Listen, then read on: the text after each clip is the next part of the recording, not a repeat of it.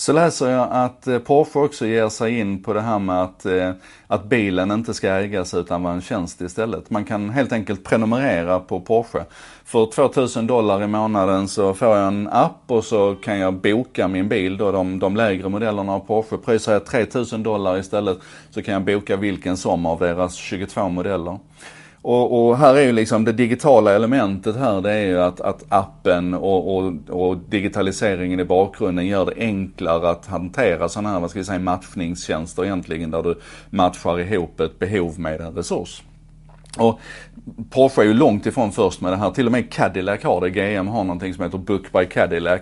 Eh, Volvo är jättedrivna på det här området nu. Har fått mycket välberättigad uppmärksamhet runt sitt Care by Volvo-koncept där du prenumererar på en XC40 och allting ingår liksom. Till och med tvättar bilen och så.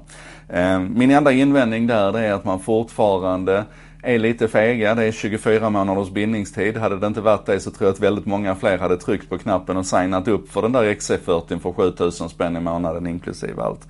Eh, och det här går ju ännu längre. Va? Vi har ju återigen Volvo-koncernen. Vi har Sunfleet som, som länge har haft ett car sharing-koncept som är ungefär som, som BMW eller som Porsche här nu med att man kan signa upp i appen och man betalar en fast månadsavgift och sådär. Eh, Lynk som är ett företag, ett systerföretag till Volvo som också ägs av Geely. Eh, hela deras nya koncept här som, som lanseras nästa år bygger på konnektivitet från början. Alltså i bilen så ingår det en, en applikation och en tjänst som gör att du kan dela med dig av din bil. Du köper bilen men hela familjen kan använda den, hela huset du bor i kan använda den, bostadsrättsföreningen kan använda den och människor du inte känner kan använda den. Så att det, det ingår liksom i konceptet från början.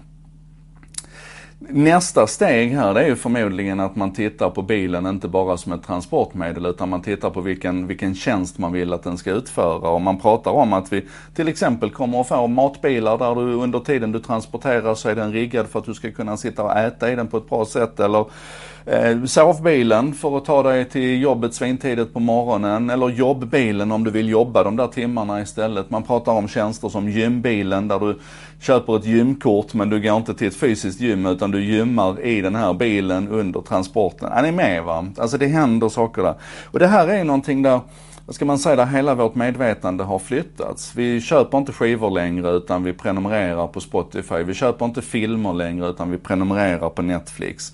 Det är till och med så att hårdvaran här, mobiltelefonen, utan att vara kopplad till en operatör så kan jag idag liksom prenumerera på den senaste iPhonen. Så betalar jag en fast månadskostnad för min hårdvara och så får jag bara en ny telefon när det kommer. Matlådor som prenumeration känner vi säkert till.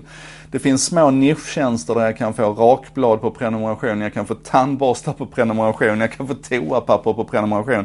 Eller så finns det då stora organisationer och företag som Amazon som ger mig allt det. Men där jag kan prenumerera på fraktkostnaden så att jag istället för att betala enskild frakt varje gång eller behöva handla för att komma över ett tröskelvärde. Så kan jag signa upp Amazon Prime och betala 5 dollar i månaden och ha fri frakt på allting jag beställer den månaden boende som prenumeration är spännande. Det är vi ju kanske vana vid ur ett hyresperspektiv. Jag hyr en lägenhet. Men det dyker upp företag här nu som låter dig betala samma månadskostnad till samma företag men du kan bo i vilken som av de sju världsstäder där de har hus. Så du kan bo en månad i Singapore, en månad i New York, en månad i Köpenhamn och, och betala samma månadsavgift till samma ställe. Och ibland blir det inte bra. Det fanns ett företag som hette Flexpets. Ja, de finns fortfarande men de gör inte samma sak längre. Det de gjorde var att man kunde hyra en hund. Så att du prenumererade på tjänsten att ha hund men du behövde inte ha den varje dag utan du kunde bara ha den på lördag eftermiddagar till exempel. Och här fick ju lagstiftarna fullständig panik runt det här så att där gick liksom reglering in och, och slog sönder den marknaden och det är lite synd. För jag skulle vilja se var det här kan ta oss och jag skulle vilja att vi kanske utifrån de exemplen som jag har gett nu men ännu mer utifrån det du har runt omkring dig idag. Fundera ett varv till på vad skulle kunna bli en prenumeration? Vad skulle kunna bli en tjänst där det idag är en vara? Um, ja men vi kan väl bara klura på det.